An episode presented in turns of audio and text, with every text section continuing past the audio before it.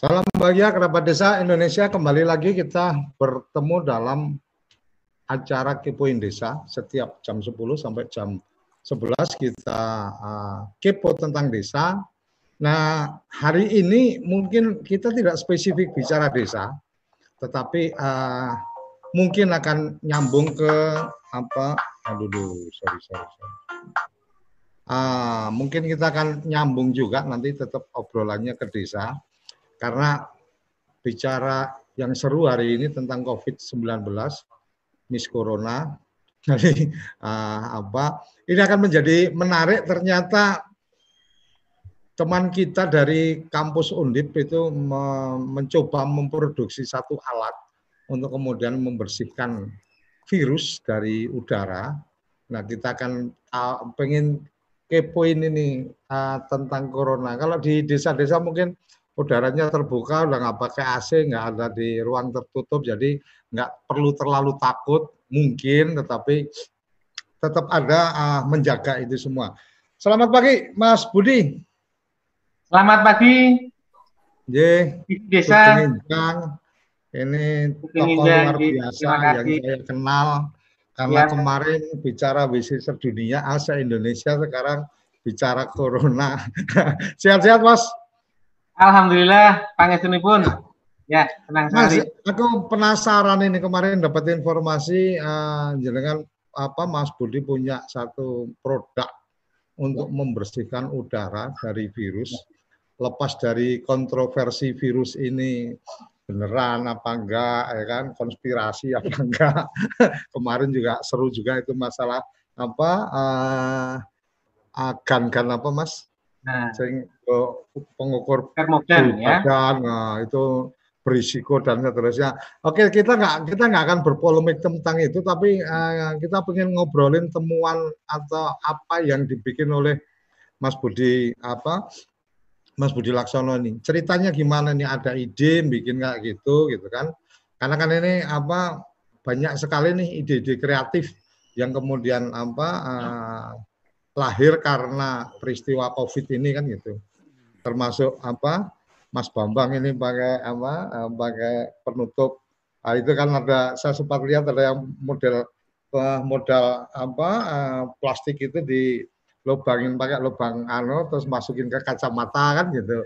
Artinya buat saya ini sesuatu yang luar biasa termasuk juga TV desa jadi lebih sering apa lebih mudah untuk kita berkomunikasi dengan apa berkomunikasi dengan uh, teman-teman narasumber itu cukup dengan uh, Zoom karena kalau dulu ke narasumber kita mesti ngundang gitu kan. Kalau sekarang aku kalau Mas Budi ya Mas Budi tetap di Semarang jam segini sampai jam segini udah kita ketemu. Boleh berbagi cerita Mas Budi, idenya siap, dari siap, mana? Siap, ya, siap. Kemudian ada ide bikin apa? Bikin pembersih udara berbasis apa ultraviolet atau apa daripada aku salah Mas Budi langsung sampaikan. Silakan. Nah, terima kasih. Sebelumnya, kenalkan saya Dr. Budi, saya alumni uh, Undip dan senang sekali sekarang ini nganyai teman-teman dalam organisasi kita Undip juga. Uh, seperti kita ketahui bahwa sejak bulan Januari, sebenarnya Desember, kita sudah mendengar di dunia ini ada penyakit baru yang namanya flu persis sama flu yang lain, tetapi ternyata flu ini e, berbeda dalam konteks kemampuan dia untuk bisa membuat orang itu bisa meninggal. Tentu saja sama seperti flu yang lain, dia mudah hmm. menular dan bedanya flu ini bisa merangsang suatu reaksi imunologi tertentu di dalam tubuh sehingga kalau ada orang-orang tertentu uh, yang punya komorbid tertentu atau reaksi alergi tertentu karena ini bukan flu saja tapi reaksi imunologi itu bisa hmm. orang itu bisa meninggal. Dan itu sangat uh, hebat sekali. Kita mulai sejarahnya di uh, Wuhan dan kemudian kita lihat satu persatu negara semuanya. Dan Indonesia pun pada saat itu sebagai seorang akademisi saya yakin kita itu sudah terpapar juga. Hmm. tetapi memang ada strategi-strategi yang dimiliki oleh pemangku negara ini yang barangkali tidak sama dengan kita akademisi. Ya nggak apa-apa seperti itu. Yang penting baiknya bagaimana. Tapi tentu saja kita mempunyai visi yang sama dalam konteks ini adalah humanity kemanusiaan jadi kalau hmm. kemarin ini kami bicara tentang jamban itu karena di Indonesia ini setiap tahun lebih dari 100 ribu orang yang meninggal karena penyakit tipes dan diare Hmm. Dan sebagian besar adalah rakyat kecil, rakyat desa. Nah sekarang ini hmm. dengan COVID ini, ini non sewu agak variannya sudah agak lumayan. Orang yang kaya juga kena, yang miskin pun juga risiko sangat kena. Contohnya apa? Contohnya ternyata di KRL Jakarta setiap hari hmm. orang lewat itu sebagian adalah migran-migran dari desa-desa yang ketika di desa kalau kita lihat sekarang ini angka kematiannya bukan dikuasai oleh kota-kota saja, oleh desa-desa. Oleh karena itulah ini menjadi concern kita hmm. untuk kemanusiaan supaya kita memahami ini secara uh, komprehensif meskipun kita bicara tentang solusi tetapi sebenarnya nanti kita bicara sedikit-sedikit tentang apa supaya kita tidak sampai ada persepsi konspirasi atau ini karena hmm. ketua kekurang tahuan. Tapi lebih banyak hmm. kami melihat ada yang namanya bukan konspirasi, namanya tapi dalam istilah kesehatan namanya denial. Suatu uh, keadaan di mana kita itu melakukan suatu penolakan terhadap keadaan yang ada. Ini denial. Semua orang itu mempunyai fase-fase denial, masyarakat punya fase denial, bangsa pun suatu saat punya uh, denial juga. Nah, oleh karena itu izinkan kami ini sedikit mempresentasikan sesuai urutannya supaya kita nanti bisa uh,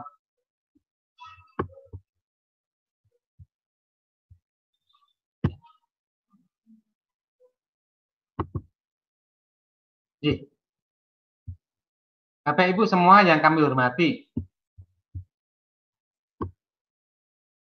Uh, seperti kita ketahui tadi tadi seperti saya ungkapkan bahwa uh, COVID ini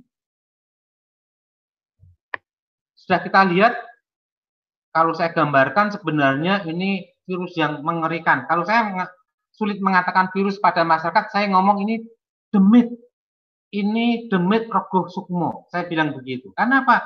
Orang masyarakat nggak tahu itu virus, tapi kalau demit dia tahu. Bahkan kolor hijau dia takut, kan seperti itu. Dan ini okay. virus ini sama seperti flu. Dia menyebabkan uh, suatu sindroma flu di dalam tubuh ini yang setiap hmm. orang akan berbeda-beda.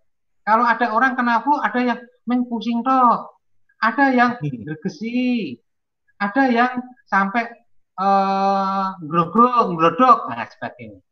Dan hmm. biasanya hmm. kalau flu-flu yang umum itu kita minum obat mengurangi gejala, makan yang cukup bagus, flu akan hilang.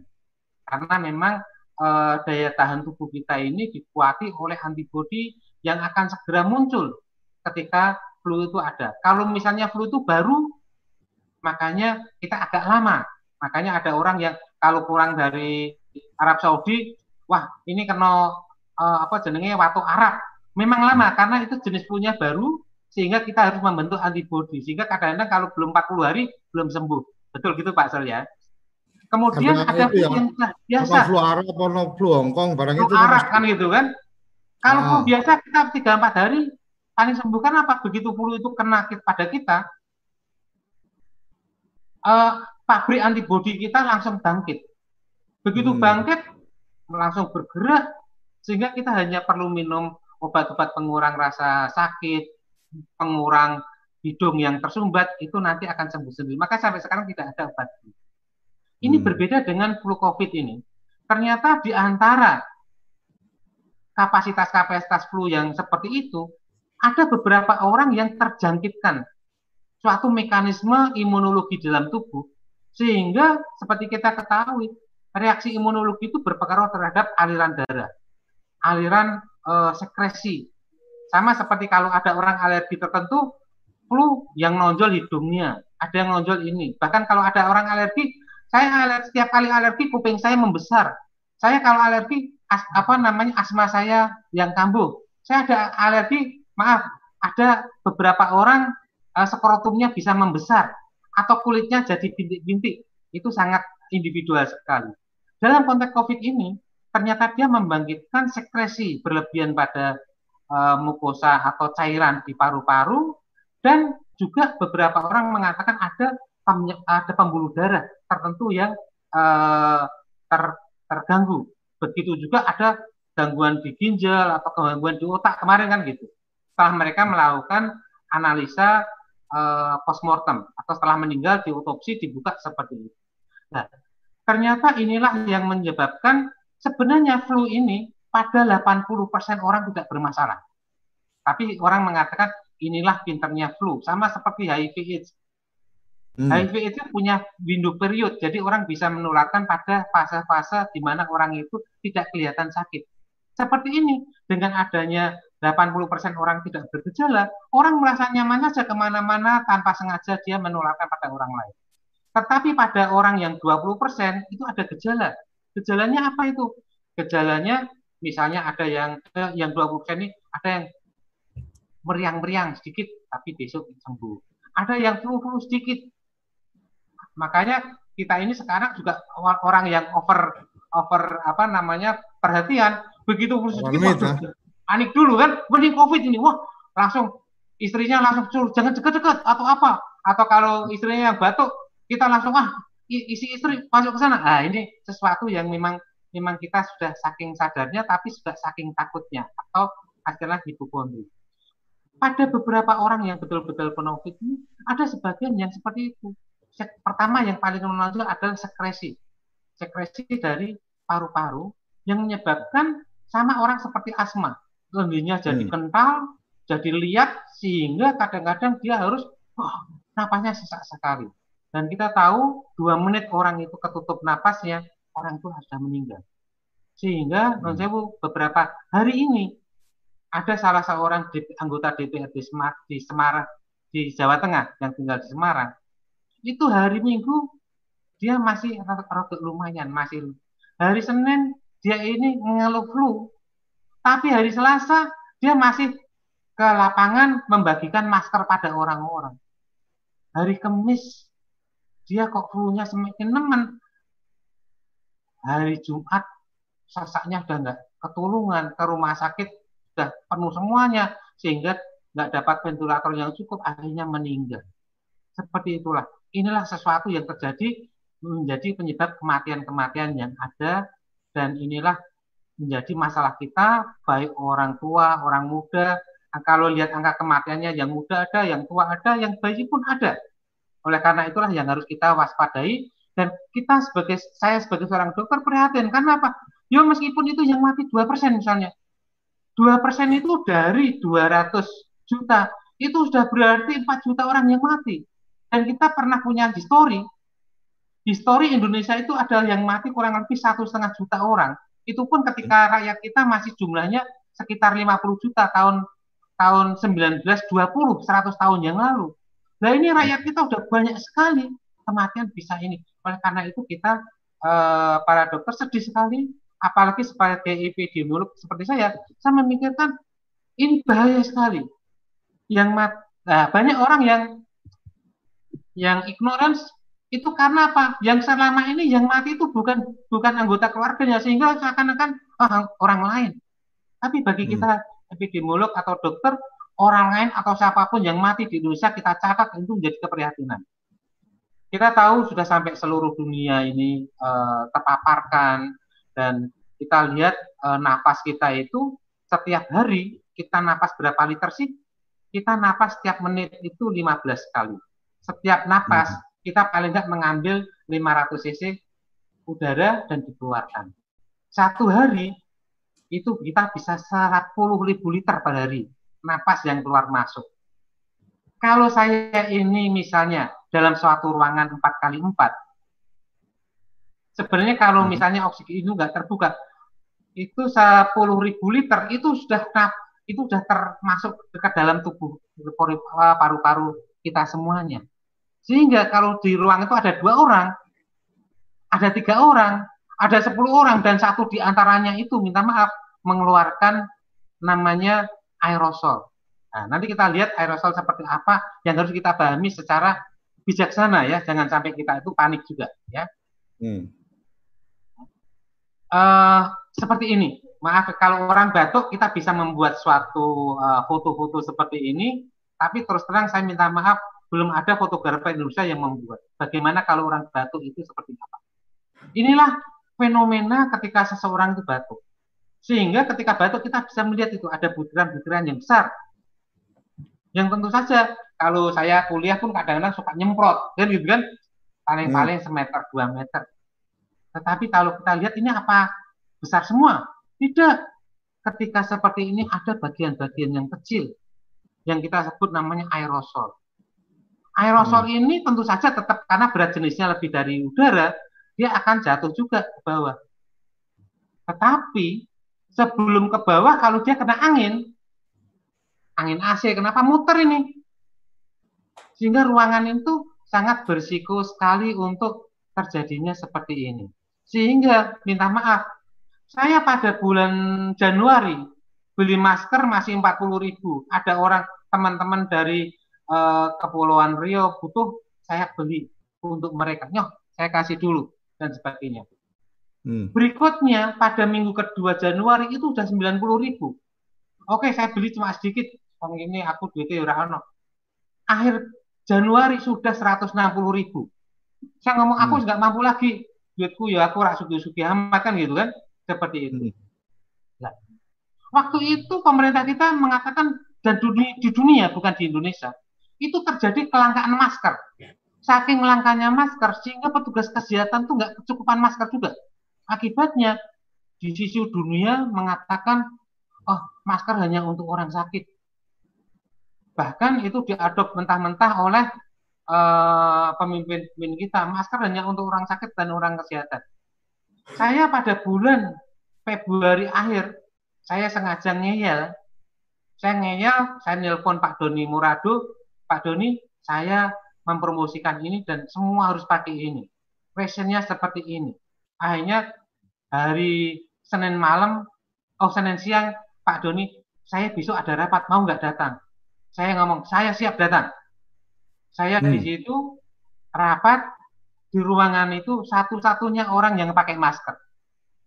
Terus saya tanya, saya waktu diberi waktu, saya ber, membicarakan uh, pentingnya masker ini dari sisi akademis untuk orang yang sakit maupun orang yang sehat. Yang sakit supaya hmm. tidak menular, yang sehat ini. Kalau sampai pemimpin-pemimpin kita itu mengatakan masker untuk orang sakit, ini karena kita terjadi kelangkaan. Tetapi saya hmm. pakai masker ini saya tunjukkan markes saya tidak mengurangi atau mengambil haknya orang-orang yang sakit atau dokter-dokter yang di rumah sakit. Saya membuat hmm. masker ini sendiri. Dan masker ini kualitasnya saya jamin tidak kalah dengan masker bedah. Karena apa? Saya belajar masker bedah. Masker bedah itu apa sih? Masker bedah itu hanya tiga buah lapisan kertas, tisu, tipis di depan, tipis di belakang, dan tebal di tengah-tengah. Terus saya loh, kenapa kok tisu itu dipakai dan lebih bagus daripada kain? Karena ada yang oh kain itu nih. Ternyata memang kain itu terbentuk dari suatu serat yang dianyam secara teratur seperti ini, ya teranyam sehingga di antara anyaman itu ada lubangnya. Kenapa kok hmm. tisu itu atau kertas itu kuat? Itu karena tisu atau kertas itu dibentuk secara randomized fiber construction. Jadi fiber-fiber itu mengendap secara acak sehingga membentuk lapisan yang akhirnya uh, padat sehingga cair kecil sekali. Udara atau ini bisa bisa lewat dan komponen-komponen yang lain bisa tertahan. Randomized fiber construction loh nah kalau seperti itu maka saya katakan saya pakai kain. Ini jauh lebih kuat daripada tisu hmm. tetapi dalamnya saya punya namanya masker BC19 ya bukan soal paten tetapi soal uh, ini informasi. Ini dalamnya saya kasih lubang, kemudian saya kasih tisu. Dan kemudian tiga hari berikutnya ketika saya pulang, Pak Doni mengirim tim televisinya ke rumah saya untuk memahamkan ini. Dan saya di YouTube-nya BNPB cerita tentang masker bisnis ini. Saya promosikan, semua orang harus pakai masker, harus pakai masker. Tapi membuat dan ketika ada yang mengatakan masker itu harganya 100 ribu yang bisa dicuci. Bahkan akhirnya ada perusahaan besar waktu itu mengutarakan masker kita dari maaf ya dari perusahaan besar konglomerat di, Sur di Surakarta eksportir masker ngomong kita punya masker yang harganya satu juta tapi bisa dicuci 10 kali maka hmm. saat itu saya membuat uh, pengumuman semuanya masker saya harganya 5000 bisa dicuci 1000 kali hmm. alhamdulillah orang-orang yang cari duit seperti ini esoknya langsung tenggelam dan hmm. ada yang rendah hati mengatakan Pak Budi terima kasih saya pakai masker Anda di seluruh Nangro Aceh Darussalam. Yang lainnya memakai sendiri dan sebagainya bagi saya tidak penting karena ini adalah pengetahuan untuk umum untuk masyarakat. Kalau menghargai terima kasih seperti orang-orang di Aceh yang membuat ini sudah membuat jutaan dan kemudian mereka uh, mengatakan Pak Budi terima kasih kami sudah menggunakan masker BC19 ke seluruh warga Aceh. Saya cuma mengatakan tidak satu rupiah pun saya memerlukan ini.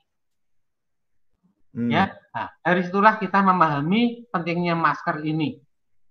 Ya, kita lihat kematiannya banyak sekali, ya. Ya, kemudian eh, tadi saya bicara reaksi radang inilah yang menyebabkan kematian. Jadi penyakit ini adalah penyakit bukan infeksinya sebenarnya, tetapi adalah reaksi imunologi. Reaksi imunologi itu adalah reaksi yang spesifik, tidak semua orang sama. Sama seperti imunologi pada alergi udang. 99% kita itu nggak ada yang alergi udang, tapi ada satu persen orang yang alergi udang. Nah, hmm. reaksi peradangan itulah yang membuat kenapa kematian ini pada beberapa orang tertentu. Nah, itulah harus dipahami sehingga kita jangan sampai berpikir ini, oh ini saya nggak apa-apa, dia mah nggak apa-apa kamu, tapi belum tentu istrimu, anakmu, uh, bapak ibumu di rumah itu tahan seperti ini. Saya zaman kelas waktu SMP saya tidak pernah radang. Sekarang oh nggak pernah alergi. Sekarang kalau saya alergi itulah dalam asma namanya asma ekstrinsik. Kalau alerginya sejak kecil namanya asma intrinsik. Nah itulah. Jadi ini betul-betul reaksi imunologi saja, uh, imunologi yang kuat bukan hanya infeksi. Ya. Kita lihat kematiannya saat ini, nah ini saya nilainya beberapa hari yang lalu masih 3.000, sekarang 4.000 di Indonesia ini. Itu pun baru kematian yang confirm, yang tesnya sudah dites. Kematian-kematian yang trigger, yang sesuai dengan definisi WHO ini lebih tinggi. Itulah yang membuat kadang-kadang dokter ini dirawat merawat di rumah sakit. Ini penyakitnya secara secara secara ilmiah dokter tahu bahwa itu penyakit uh, suspek COVID. Ciri-cirinya apa? Ini ini ini. Tahu. Tetapi labnya belum terkonfirm. Kenapa labnya itu memang lab itu paling-paling tiga jam jadi, tapi antriannya yang banyak sehingga kadang-kadang sampai berhari-hari nggak jadi. Sehingga orangnya mati dulu, sehingga dokter mengatakan matinya karena COVID ini tetap risiko menularkan. Oleh karena itulah monggo kita reak, e, dinilai kematiannya sebagai kematian COVID supaya tidak sampai menular. Inilah yang kadang-kadang menimbulkan kecurigaan atau menimbulkan salah pahamnya di masyarakat. Ya, oleh karena hmm. itulah ini yang harus kita perbaiki ke depan. Tetapi kita harus memahami bahwa risiko-risiko itu ada seperti ini supaya kita jangan sampai mengatakan oh ini di covid covidan. Kalau memang rumah sakit itu eh, apa dokter itu melanggar sumpahnya mengcovid covidkan untuk uang, oh itu harus digorok nomor satu ya tetapi insya Allah seperti ini enggak di tempat kita ini coba lihat di desa-desa yang orang itu di Semarang saja orang sekarang bekerja di tempat saya di tempat kayak kos itu bekerja di pabrik seperti ini. Jaraknya berdekatan ruangnya sama. Mending kita kita yang dapat rezeki bagus kantornya cuma isinya papat. Kantornya Pak Surya cuma satu orang kadang-kadang masuk keluar kasih kopi. Di hmm. pabrik-pabrik seperti dan mereka ini adalah orang-orang rata-rata orang dari desa. Ya dari desa. Orang kota banyak tetapi saya lihat di Semarang ini ditambah Terjo tambah Aji dan sebagainya lebih banyak sekarang daerah kos-kosan. Orangnya pada pergi sekarang dari daerah kos-kosan. Mereka dari si edukasinya berkurang kemudian bekerja dalam padat yang luar biasa dia cukup uh, uang untuk bayar kontrak dan uh, gaya hidup saat ini, kalau dia lembur, bisa dibayangkan mereka sangat rawan sehingga ada satu pabrik Semarang. Ketika dites orang, dites orang dari 300, oh 350 200-nya reaktif. Oh, sorry, bukan reaktif, tapi positif. Bisa dibayangkan. Saya datang ke pabrik itu kemarin, pabriknya seperti ini. Orang makannya di pinggir jalan bareng-barengan, rame-rame. Positif atau reaktif, Mas? Bareng -bareng. antara positif sama reaktif? Dalam? Antara positif sama reaktif kan beda. Oh, sorry. Ya, jadi gini, kalau positif itu adalah tes yang kita menggunakan swab. Tes itu hmm. betul-betul hmm. menilai menilai ada tidaknya virus di dalam tenggorokan atau tubuh orang itu. Makanya kalau itu makanya kita sebut positif. Kalau reaktif itu kita menggunakan tes imunologi. Seperti hmm. kalau imunologi itu sama seperti kalau tes kita ibu hamil, tes ibu hamil pakai air hmm. kencing. Kali ini kita ambil darah, kita ambil darahnya tes gula, tes apa seperti itu. Tentu saja kalau tes rapid ini ada kekurangannya. Kekurangannya apa? Ada orang yang sakit tetapi imunologinya kan bisa muncul beberapa hari setelah itu sehingga tidak mewakili. Makanya uh, dan rapid ini kadang-kadang ada namanya sensitivitas. Yang ada yang 99,9 persen, ada yang cuma sensitivitasnya kemarin ada yang eh, 60 persen, bahkan ada juga beberapa uh, case itu ada yang 60, uh, di bawah 50 persen, sehingga ketika dikasih getah dari pohon pisang dia pun bisa positif kan gitu kan. Nah inilah. Di Cina oh, orang itu membuat ini menjual gampang sekali. Tinggal diginikan kasih ini jual. Kita orang nggak pernah tahu. Sama seperti kalau kita beli flash disk yang harganya sandisk asli kalau kita beli di Cina dikasih tanya mau dikasih merek apa? Karena dia bisa membuat semuanya palsu menjadi seperti benar seperti itu. Bisa menjawab gitu nah inilah kenyataan kita di kantor berisiko apalagi masyarakat kita yang kecil yang bekerja desa-desaan di KRL dan sebagainya. Oleh karena itu masyarakat desa itu, aduh saya sedih sekali, ya. Indonesia sudah melakukan banyak hal, bahkan kalau kita menghitung uangnya, bagaimana Pak Jokowi matur, pertama 400 triliun kita buka, kemudian tambah lagi 500 triliun. Untuk apa? Karena kita harus memutus uh, rantai ini, orang yang berhenti bekerja kita kasih ini. Luar biasa banyak dan PCR itu sampai sekarang ya rapid sampai sekarang harganya berapa? Itu bukan tes yang murah. PCR itu eh, sekarang rata-rata satu juta. Bahkan tadi saya tanya dari kepala dinas saya 780 oh berarti ringan sedikit ya.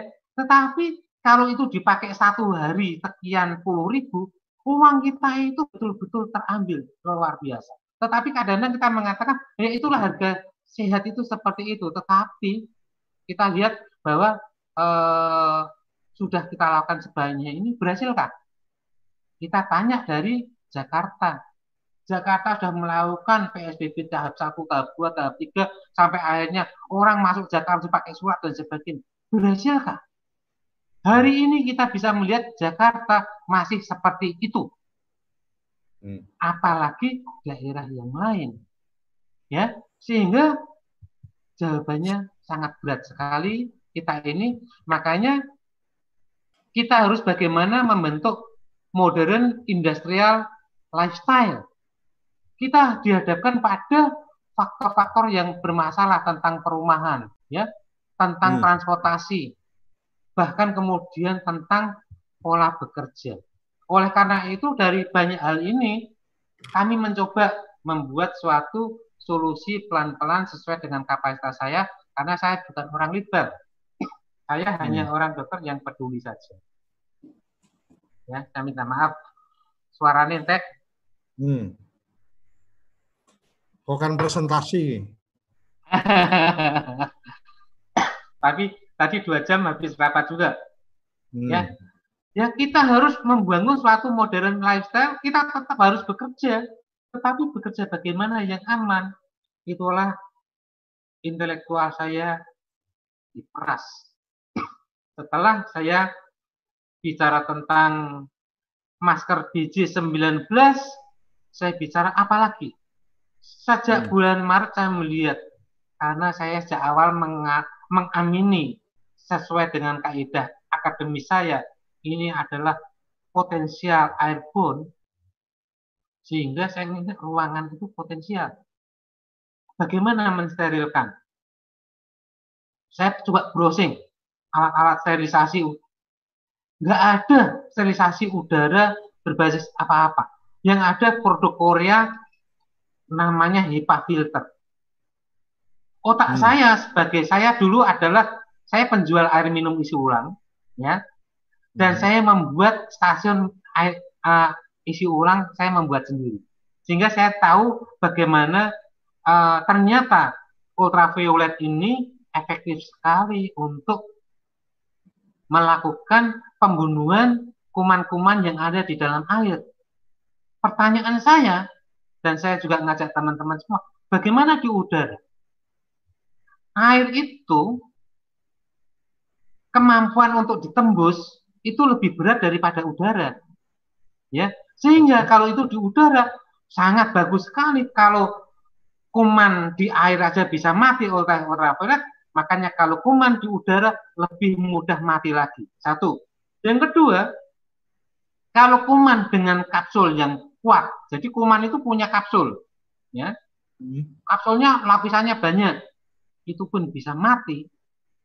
Karena apa? dia ada ultraviolet yang bisa menembus, memecahkan uh, uh, lipoprotein di dalam kapsul sehingga sehingga kapsulnya si kuman itu pecah.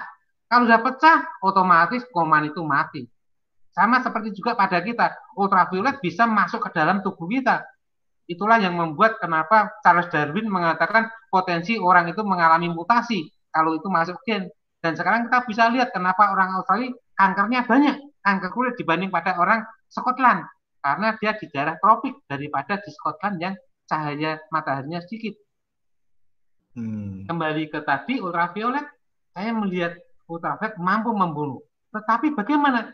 Ya sama, udara dilewatkan di dalam ultraviolet, otomatis hmm. udara ini akan steril. Dari dasar itulah kami mengadopsi tabung tabung uh, ultraviolet air minum isi ulang menjadi tabung-tabung udara. Dari situlah saya punya keyakinan, meskipun keyakinan saya ini masih hipotesis. Hmm. Karena kalau itu eh, betul-betul uh, tesis, saya harus melakukan uji kultur virus ke dalam air udara yang ter, terkeluar dari ini. Tapi sampai sekarang inilah yang menjadi tugas negara nanti melakukan. Tapi saya mempunyai sense, mempunyai teori-teori uh, yang meyakinkan saya bahwa ini pun juga mati. Tentu saja dengan apa yang saya katakan, saya kira bapak-bapak semuanya bisa memahami bahwa logika saya ini masuk akal. Dari dasar itulah saya memikirkan, oke, okay, kalau gitu itu saya harus membuat itu. Makanya saya membuat namanya air sterilisator. Bagaimana? Saya membuat kotak, membuat pralon, saya lewatkan udara ke situ, kemudian keluar sehingga logikanya keluar ini sudah steril logikanya. Nah dari dasar itulah kalau itu dipakai dalam satu ruangan, tentu ruangan itu akan sehat. Seberapa besar ruangan itu diperlukan? Kita belajar dari ilmunya Tuhan. Tuhan itu mengalirkan darah pada kita, namanya cardiac output. Taruhlah saya, saya lupa cardiac output. Itu taruhlah sekitar setiap liter itu sekitar eh, 100 liter misalnya. Ternyata itu dipecah bermacam-macam. Cardiac hmm. output itu sebagian darah itu masuk ke otak itu 20 persen ya ke atas. Kemudian yang bawah namanya jugularis interna itu 20 persen. Jadi otak itu meskipun cuma 5 persen, tapi dia memerlukan darah oksigen itu 20 persen. Selebihnya dibagi. Ini langsung masuk ke lengan, kaki, eh, lengan kanan kiri, tubuh dan kaki. Itu hampir sekitar eh, 70 persen. 10 persen dia ternyata yang di bawah ini sadat oleh ginjal. Ginjal hmm. ini dibersihkan dan kemudian dikeluarkan lagi. Halo? Ya. Lanjut, Mas. Ya, dari dasar itulah dari dasar itulah eh, kita melihat kurang lebih kalau ini adalah udara itu ruangan ini adalah tubuh kita paling enggak 5 sampai 10 persen udara itu harus difiltrasi oleh alat ini. Ya. Hmm. Nah, Oleh karena ini pengurangan risiko di pabrik dan kantor, makanya kita harus menggunakan masker yang bermutu. Jaga jarak tetap penting, cuci tangan, cleaning ruangan. Jadi ruangan kalau habis kita pakai bagusnya di spray dan sebagainya. Dan yang kelima adalah sterilisator udara. Sterilisator udara setelah saya kaji-kaji, memang yang pertama ultraviolet. Kemudian saya, oh ada ternyata ada teknologi plasma. Hmm. Ternyata ada teknologi ozon. Kemudian yang sudah lama HEPA filter. Ini sudah ada dan dari situ saya melihat oh HEPA filter apa? Oh bisa kita membuat. Oh ozon ada. Ternyata ozon punya kekurangan juga. Kalau kelebihan tidak bagus juga untuk kita. Ternyata yang paling murah adalah ultraviolet. Ya. ya. Nah, sekarang kalau kita lihat uh, seperti ini, makanya sekarang kita membenarkan sekali saya kalau udara terbuka itu di pedesaan itu lebih sehat daripada udara di kantor. Kenapa? Di, udara di pedesaan akan mengalami dilusi atau pencairan. Ya, hmm. kalau saya batuk 500 cc dia akan mencair sehingga eh, konsentrasi kecil dan kemudian kena udara luar yang yang keras virus-virus akan mati pabrik, kantor pun juga sama kalau seperti ini dilakukan. Dari dasar itulah saya mencoba membuat eh, yang sudah ada teknologinya yaitu ultraviolet. Ultraviolet pada dasarnya adalah teknologi plasma juga. Dengan adanya filamen-filamen tertentu yang bisa menghasilkan eh, kalau eh, ultraviolet itu menghasilkan nitrogen, cahaya yang memecah nitrogen nitrogen menghasilkan cahaya apa? Nitrogen menghasilkan cahaya warnanya biru, violet, ya kan? Makanya kalau bintang-bintang yang warnanya biru berarti dia unsur nitrogennya tinggi dan itu biasanya jauh dan itu lebih panas kan seperti itu. Ya biru itu panas sekali, ya. Jangan dilihat panas itu merah, justru enggak. Nitrogen itu justru panas, ya. Nah, kemudian eh, dari dasar itulah saya mempunyai asumsi ultraviolet is efektif and cheapest sterilisator untuk water dan udara, untuk water and air, untuk air dan udara. Dari dasar hmm. itulah saya mencoba membuat suatu prototype. Oke, kalau gitu saya membuat prototype yang uh, dari kipas angin. Saya membuat hmm. kotaan panjang karena harus ada fase dia kontak dengan ultraviolet dengan beberapa lampu ultraviolet kita jejerke udara dilewatkan nanti pada titik tertentu di atas di luar itu otomatis dia sudah steril. Saya membuat kota, saya membuat bulat, ternyata bulat lebih mudah, paralon tinggal dipotong-potong, sehingga mudah. Saya bisa membuat, saya bisa sharing pada teman-teman, bahkan saya bisa sharing dengan Pak Ganjar ini kantornya ada, ruangannya kemarin lah saya kasih gratisan. Teman-teman saya monggo ini saya pakai karena saya adalah dalam konteks uh, inventor saja. Karena saya orang yayasan ya saya kasih kasih sebagai yayasan. Oleh karena itu welcome kalau anda mau mengganti mengganti uh, produksi monggo sharing ke yayasan saya.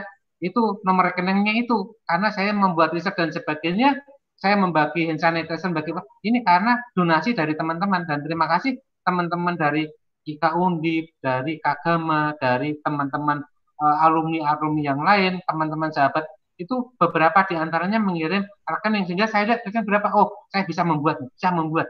Seperti itu. Nah inilah yang kita bangun uh, dalam konteks membuat monggo untuk dengan bahkan saya mengajak siapa ya teman-teman kita yang seandainya punya kapasitas produksi, ayo produksi, aku tak menjadi uh, inisiatornya saja. Nah aku dihargai otakku, ya tentu saja senang. Tapi kalau nggak dihargai, yes copy paste saja. Apalagi teman-teman kita yang kurang-kurang mampu, wah ini regone larang. Kenapa?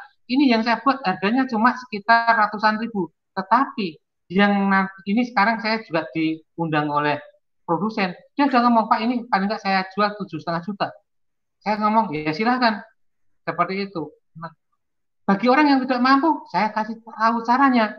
Seperti ini. Nah, itulah uh, sesuatu yang mudah yang bisa kita uh, buat sendiri maupun untuk konsumsi masyarakat atau untuk perdagangan atau non komersial atau untuk sosial kita lakukan semuanya. Monggo masyarakat kita itu mulai dari yang miskin ada yang kaya ada yang gaya hidup rendah maupun gaya tinggi monggo diambil sendiri. Kalau pengen yang mahal ya monggo nanti beli. Nanti kalau pabrik kita sudah mulai jalan kalau pengen murah yang gawe diri dan sebagainya. Karena saya hanya seorang ilmuwan inventor yang uh, peduli saja. Makanya saya nggak berpikir ini ada temannya Pak Budi ini saya patenkan ya. Monggo silahkan dipatenkan. Tetapi saya mengatakan ini semua orang boleh membuatnya seperti itu. Ya. Oleh karena ini teknologi plasma yang dilakukan dan ini HEPA filter yang dibuat dan mungkin bapak-bapak bisa tahu HEPA filter ini harganya berapa? 25 juta. Made in Korea. Sekarang ada made in Jepang sak dan sebagainya. Itu fungsinya sama mas? Sama. Kalau HEPA filter ini adalah menyaring. Sama hmm. seperti masker ini dikasih kipas angin sehingga dia bisa menyaring. Dan saringannya dia mengatakan sampai 2,5 mikron. Seperti hmm. itu.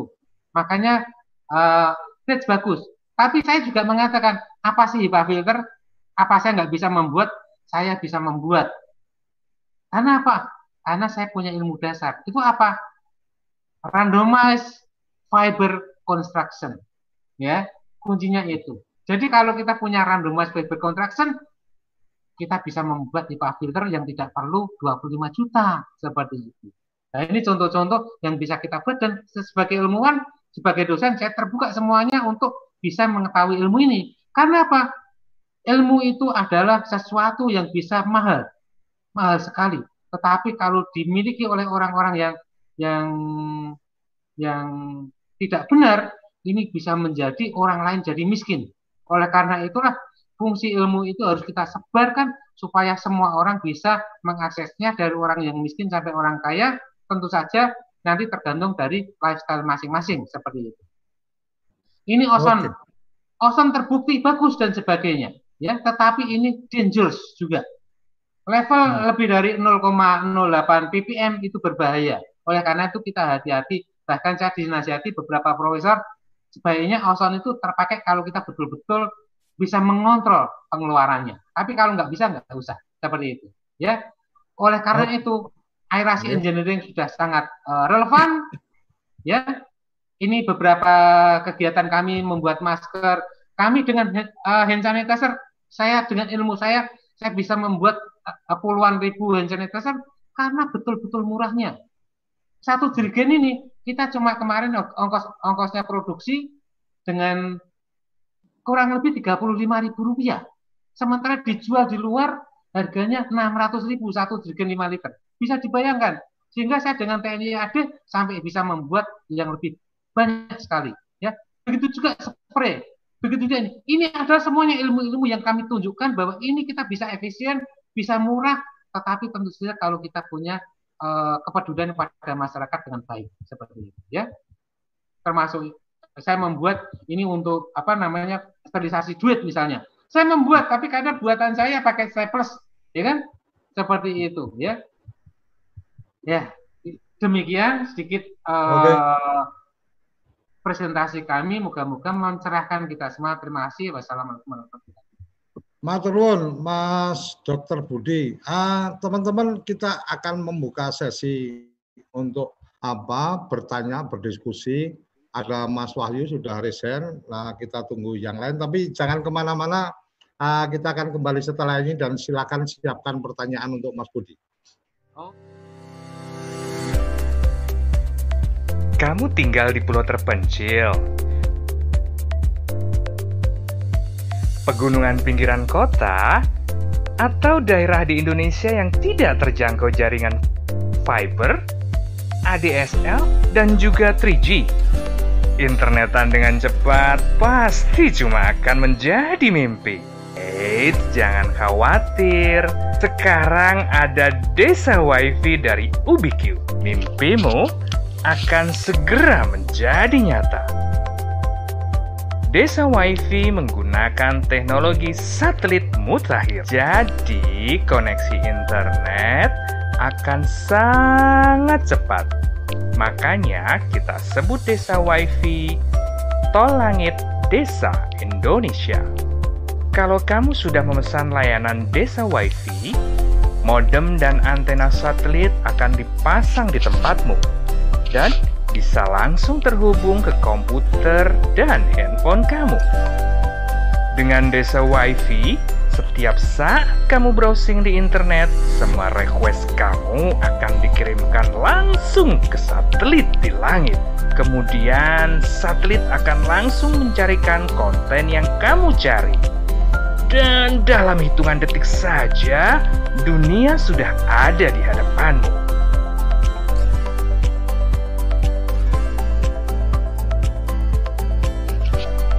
Mau pakai tol langit? Pakai desa wifi? Kunjungi www.desawifi.id.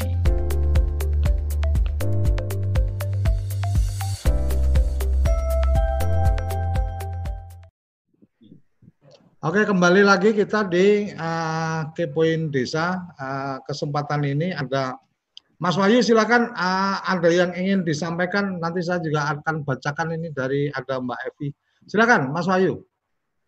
Assalamualaikum warahmatullahi wabarakatuh. Selamat pagi Indonesia. Selamat pagi TV Desa.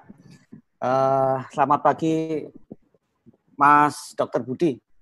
Ya, selamat pagi, selamat siang. Salam kenal, ya, salam kenal. Saya sudah ya, sudah dengar nama Mas Dokter, tapi baru kali ini saya bisa lihat langsung.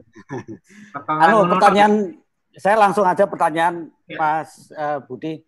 Saya ini kan juga selain apa satu saya sebagai uh, pengusaha yang bergerak di bidang uh, yang memanfaatkan gitu kan uh, dalam tanda petik saya agak agak eh, apa eh, agak susah bicaranya. Karena gini saya dalam tanda petik memanfaatkan situasi yang ada untuk untuk kemudian harus membelokkan usaha saya ke arah sana yaitu dengan jualan masker dan eh, memproduksi APD.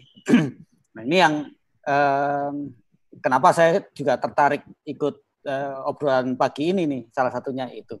Uh, yang kedua mungkin nanti saya akan uh, apa bertanya beberapa hal yang uh, teknis apa yang sudah uh, terjadi di uh, lingkungan saya. Jadi gini Mas uh, Dokter, uh, ya. saat ini kita pelaku usaha ya, pelaku usaha itu uh, sebenarnya kadang harus mengikuti uh, apa kemauan klien dan uh, berita yang ada di di jagat maya ini. Salah satunya adalah contohnya begini, Mas. Uh, bahan untuk masker tadi saya sangat uh, apa shock dulu ya dengan penjelasan Mas Budi bahwa sebenarnya masker kain dan masker uh, yang namanya masker apa uh, kesehatan ya itu hmm. memang dibuatnya berbeda dengan tujuan yang berbeda gitu kan. Nah sekarang yang terjadi di pasaran adalah eh, kita harus eh, memenuhi beberapa syarat yang syaratnya itu sebenarnya saya juga nggak ngerti ini syaratnya apa gitu kan karena kalau bicara harus terfilter sekian mikron eh, apa dengan ukuran yang mikron mikron itu kan kita tidak punya alatnya. Kemudian kalau eh, yang bisa kita lakukan adalah membawa bahan itu ke lab kan. Nah tapi dalam hati saya sebenarnya apakah benar yang dilakukan lab ini kemudian sesuai dengan uh, standar uh, kedokteran gitu kan. Itu saya belum belum apa tidak bisa memastikan benar atau tidaknya hmm. tapi ya karena harus mengikuti uh, prosedur itu maka kita lakukan uh, kemudian tadi ada masker kesehatan dan masker non kesehatan gitu Mas Budi ya.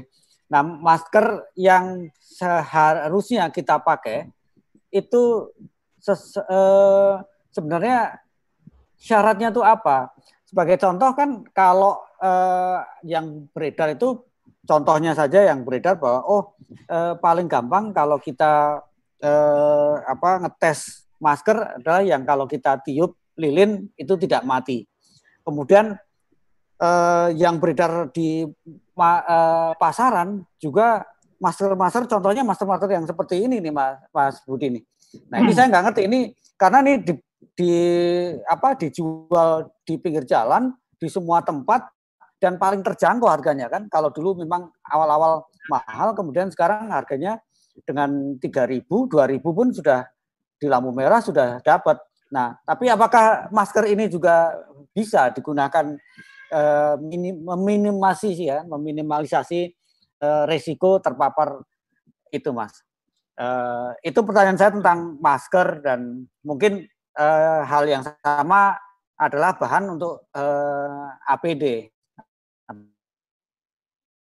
baju itu uh, yang ada kelangkaan bahan baku. Saya nggak ngerti itu yang benar yang mana. Ketika kita bawa ke mana ke uh, lab juga uh, ini mas tidak on gitu ya. Uh, terus yang kedua tadi mas tentang uh, peralatan yang mas dokter buat itu ya ozon dan lain-lain. Hmm. ada satu eh, apa alat yang saya pikir mungkin agak membingungkan yaitu yang eh, buat eh, air purifier ya. Nah, itu air purifier itu sebenarnya sama nggak itunya apa fungsinya mas? Itu saja mas eh, ya. Budi Maturun. Ya. Oke. Okay. Mas Oke, Budi, terima kasih. Jawab dulu aja ya, biar nggak lupa ya. Oke. Ya, jadi gini, memang masker itu ada uji tesnya. Makanya ada istilahnya ada N95 dan sebagainya. Yeah. Itu maksudnya apa? Maksudnya eh, masker itu seandainya dipakai seseorang itu akan eh, memfilter partikel-partikel ukuran 5 mikron dia akan terpapar sehingga 95 persen hmm. 5 eh, mikron ini akan tertahan di masker itu. Yang 5 yang 5 persen bagaimana? Ya tetap bisa masuk. Ya, yaitu namanya quality, ya kan seperti itu. Terus terang waktu awal tesnya seperti apa? Saya tanya suku Pindo dan sebagainya. Mereka katanya punya SNI dan sebagainya. Teman-teman Semarang, wah Pak kami nggak punya tesnya. Lalu selama ini kalau kamu membuat tes ini bagaimana kan gitu kan? Nah inilah hanya ngikut-ngikut aja. Sehingga seakan-akan saya termasuk orang yang marah. Kalian ketika mereknya itu Jepang, kalian langsung bilang iya. Tapi ketika kita mereknya Indonesia, kita nggak bilang bagaimana. Sehingga waktu itu masker kain nggak boleh, ini nggak boleh kan gitu kan. Nggak bolehnya bagaimana kan gitu. Makanya saya waktu itu sebagai akademi saya berontak. Ini nggak bisa seperti hari ada reasonnya. Sehingga saat itu saya sampai membuat tol ukur. Saya membuat suatu botol empat satu topi dengan beberapa jenis kain. Kemudian botolnya kita kasih tekanan yang sama dengan asap yang sama. Tapi terus terang eh, ini tes yang objektif. Komparasi saja. Ini masker internasional, ini masker Jawa, ini pakai kain. Dengan begitu kita tahu mana yang lebih bagus. Saya membuat alatnya ini. Hmm. Tetapi ini eh, tidak semua tempat mempunyai. Saya membuat sendiri dengan modifikasi. Makanya yang paling mudah saya itu masker itu adalah mengukurnya ketika kita bisa meniup batuk. Jadi kalau kita meniup pakai masker mati. Artinya apa? Artinya kalau kita batuk droplet kita masih bisa keluar normal. Ya kan? Begitu juga kalau dari luar masuk. Makanya terus terang saya tidak pernah mau membeli masker seperti itu. Karena saya hmm. belum pernah menguji. Makanya mau saya membuat di YouTube bagaimana mengukur uh, uji itu. Monggo masyarakat uji betul apa masker dia. Makanya saya mengatakan penggunaan masker itu adalah yang baik dan benar. Maksudnya baik apa? Baik itu adalah memenuhi syarat seperti itu dan benar apa? Yang memakainya benar. Makanya ini tugasnya sekarang Litbang. Indonesia punya Litbang sementara ini saya lihat tidak membuat suatu riset cuma mengikuti apa kata WHO dan sebagainya. Bagi saya ini naif sekali. Kita membayar Litbang sekian hmm. banyak. Saya ini nggak dibayar, saya sudah melakukannya sendiri. Nah seperti itu ya. Oleh karena itu tapi karena itu aturan pengusaha yang jenengan ngikuti wae lah. Kadang-kadang itu kadang-kadang piye itu itu yeah. uh, ngikuti karena piye impor di saya kan gitu saja seperti itu. Ya. Yeah. Yang kedua tentang yeah. tadi apa namanya? Yang kedua tadi apa? Pendek. Air purifier, Mas. Purifier. Purifier. Bahasanya air purifier. Purifier itu uh, itu kan alat. purifier memurnikan kan gitu. Nah, untuk memurnikan itu bermacam ca macam cara, makanya ada yang difilter. Makanya airnya menjadi murni karena debu-debunya hilang, kan gitu kan? Atau kemudian ada yang kalau saya mengatakan murni itu dalam konteks kalau bakterinya hilang. Dalam hmm. konteks ini kita bakteri saja. Saya kenapa eh, debu-debu kita nggak masalah tentang debu dan itu bukan musuh kita saat ini. Apalagi kalau di ruangan nggak ada debunya. Makanya dalam konteks uh, filter, saya mengatakan HEPA filter dalam konteks saat ini lebih kalah hebat dengan ultraviolet. Karena apa? HEPA filter itu outputnya jadi kecil seperti itu. Ya, kalau ultraviolet outputnya lebih banyak dan kita hanya sekarang ini fokus membunuh bakteri. Makanya saya membuat suatu suatu alat yang ada HEPA filternya, ada ozonnya, ada ini tentu saja lebih mahal. Iya lebih mahal.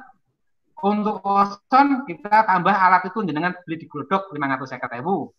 HEPA filter saya kemarin impor di Cina harganya itu 30 kali 30 cm itu harganya 200 ribu kan itu.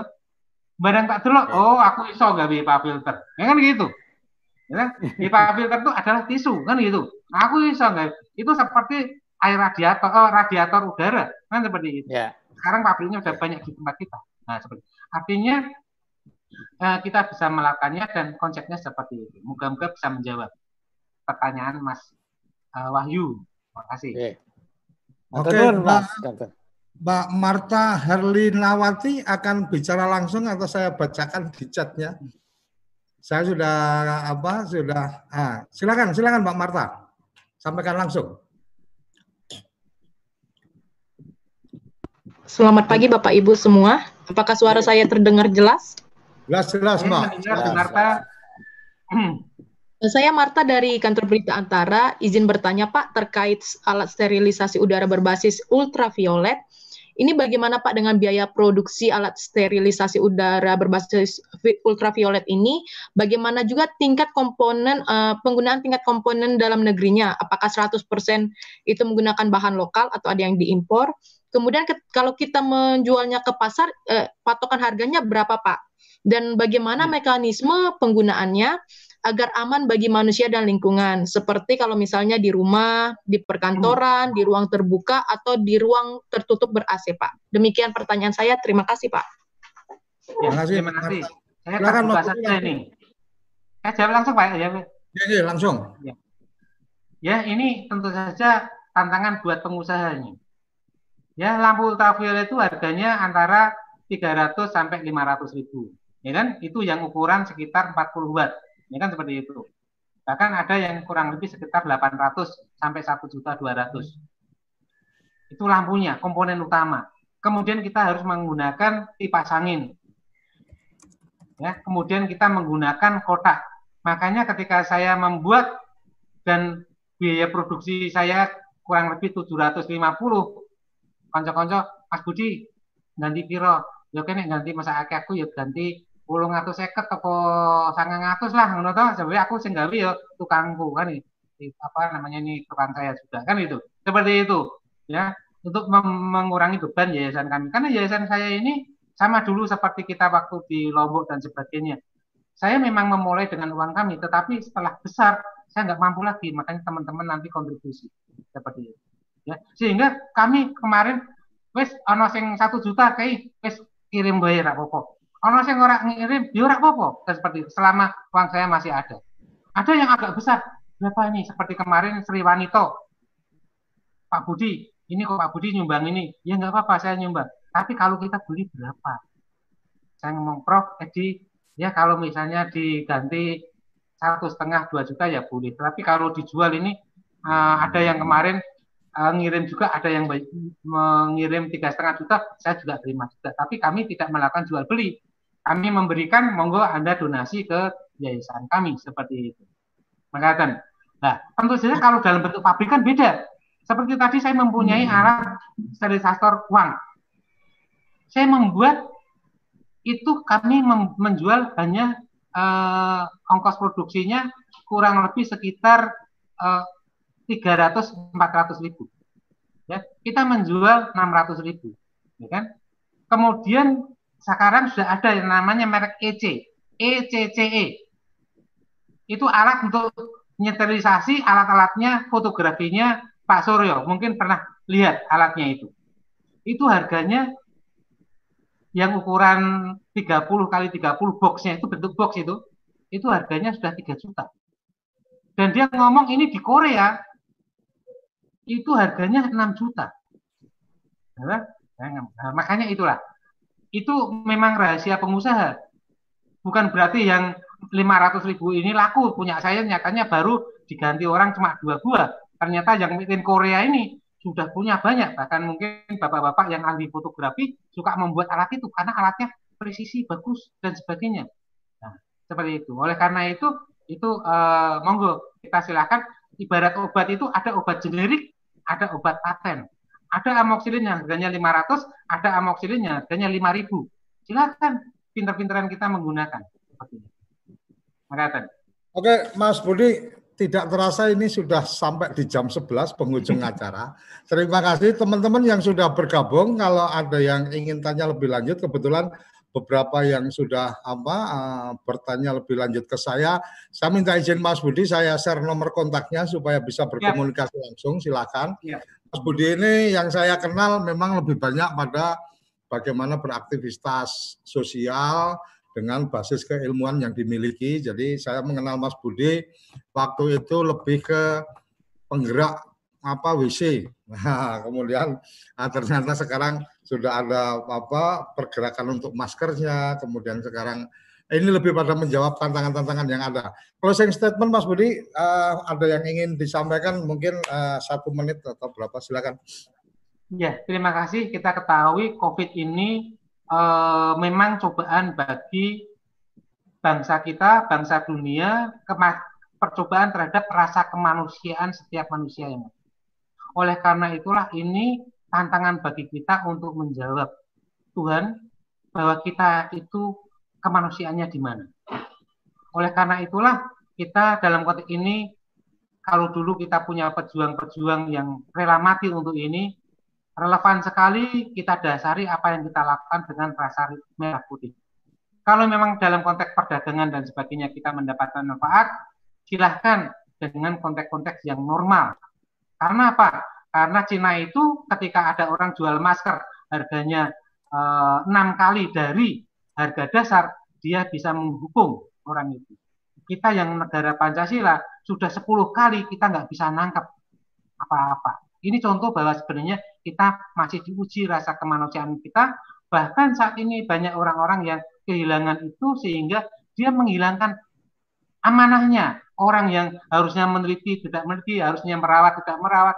Semuanya sekarang banyak orang yang tidak mengetahui tupoksinya. Makanya kembalikan pada semuanya bahwa setiap dari kita adalah pemimpin-pemimpin yang nanti akan diminta pertanggungjawabannya sudah melakukan apa bagi uh, semuanya ini. Oleh karena itu, mari kita kembalikan bangsa kita ini menjadi uh, esensi bangsa kita, kemanusiaan, Pancasila, Pancasila kita harus kita kuatkan, bukan dalam teori-teori yang harus kita demonstrasikan terus, tetapi dalam ukuran-ukuran nyata yang harus kita lakukan dan bekerja sama seperti yang lain zaman perjuangan bekerja keras sekeras-kerasnya lebih dari profesional bahkan kalau perlu kita harus dengan semangat kalau orang Islam ini jihad kalau orang Kristen ini adalah mission.